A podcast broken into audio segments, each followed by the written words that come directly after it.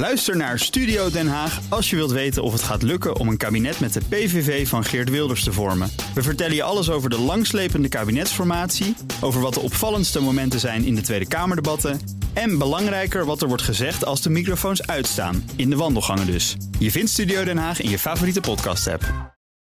De column van Paul Lasseur. Wanneer zelfs de vuurwerkbranche inziet dat een verbod op knalvuurwerk en vuurpijlen onafwendbaar is geworden, mag je gerust van een doorbraak spreken. Handelaren steunen de oproep van politie, hulpverleners en burgemeesters om tenminste een begin te maken met de aanpak van alle problemen rond de jaarwisseling, met vandalisme en geweld. Toch blijft het onvoorstelbaar dat onze oud en nieuw traditie in de loop der jaren zo heeft kunnen ontsporen. Dankzij een cultuur van gedogen en wegkijken door de overheid. Want natuurlijk had de regering jaren geleden al een totaalverbod moeten instellen op alle consumentenvuurwerk. Voor de ramp in Enschede, Volendam en dit jaar Arnhem. Voor al die uitgebrande auto's, uitgerukte ogen, afgerukte vingers en handen. Voor alle ellende en verdriet. Al die jaren heeft de overheid zijn zorgplicht naar de burgers schromelijk verzaakt. Want de ingezetenen van dit land hebben recht op veiligheid en bescherming. Alle dagen van het jaar. En soms ook tegen zichzelf. We hebben recht op een zorgzame overheid die durft te handhaven. De vuurwerkdiscussie is slechts een voorprogramma. Een peulenschil vergeleken bij een veel grotere, ongemakkelijke waarheid die we niet onder ogen willen zien. De productie, de handel en het gebruik van verdovende middelen. En de gigantische proporties die dat allemaal heeft aangenomen. In de haven van Rotterdam werd nog nooit zoveel cocaïne onderschept als vorig jaar. 50% meer dan in 2018.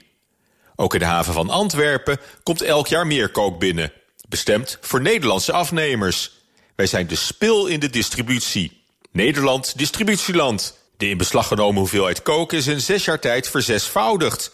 Vooral omdat er steeds meer wordt geproduceerd en naar ons land wordt verscheept.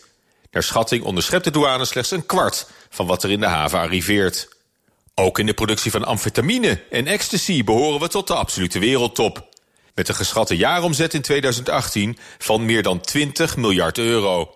We zijn het drugslab van de wereld. Dankzij onze jarenlange traditie als tolerant gidsland voor verantwoord drugsgebruik... is er ook niemand die nog een punt maakt van de consumptie ervan. Alle yogasnuivers en festivalslikkers weten van de prins geen kwaad. Eindgebruikers voelen zich niet verantwoordelijk voor de criminele uitwassen... hogerop in de keten van misdaad en geweld. De vrolijke poeders en pilletjes horen er gewoon bij. Dat weet toch iedereen? En het spul is makkelijk te krijgen. Tieners op dance-events komen eenvoudiger aan een pilletje... dan aan een blikje bier in de supermarkt.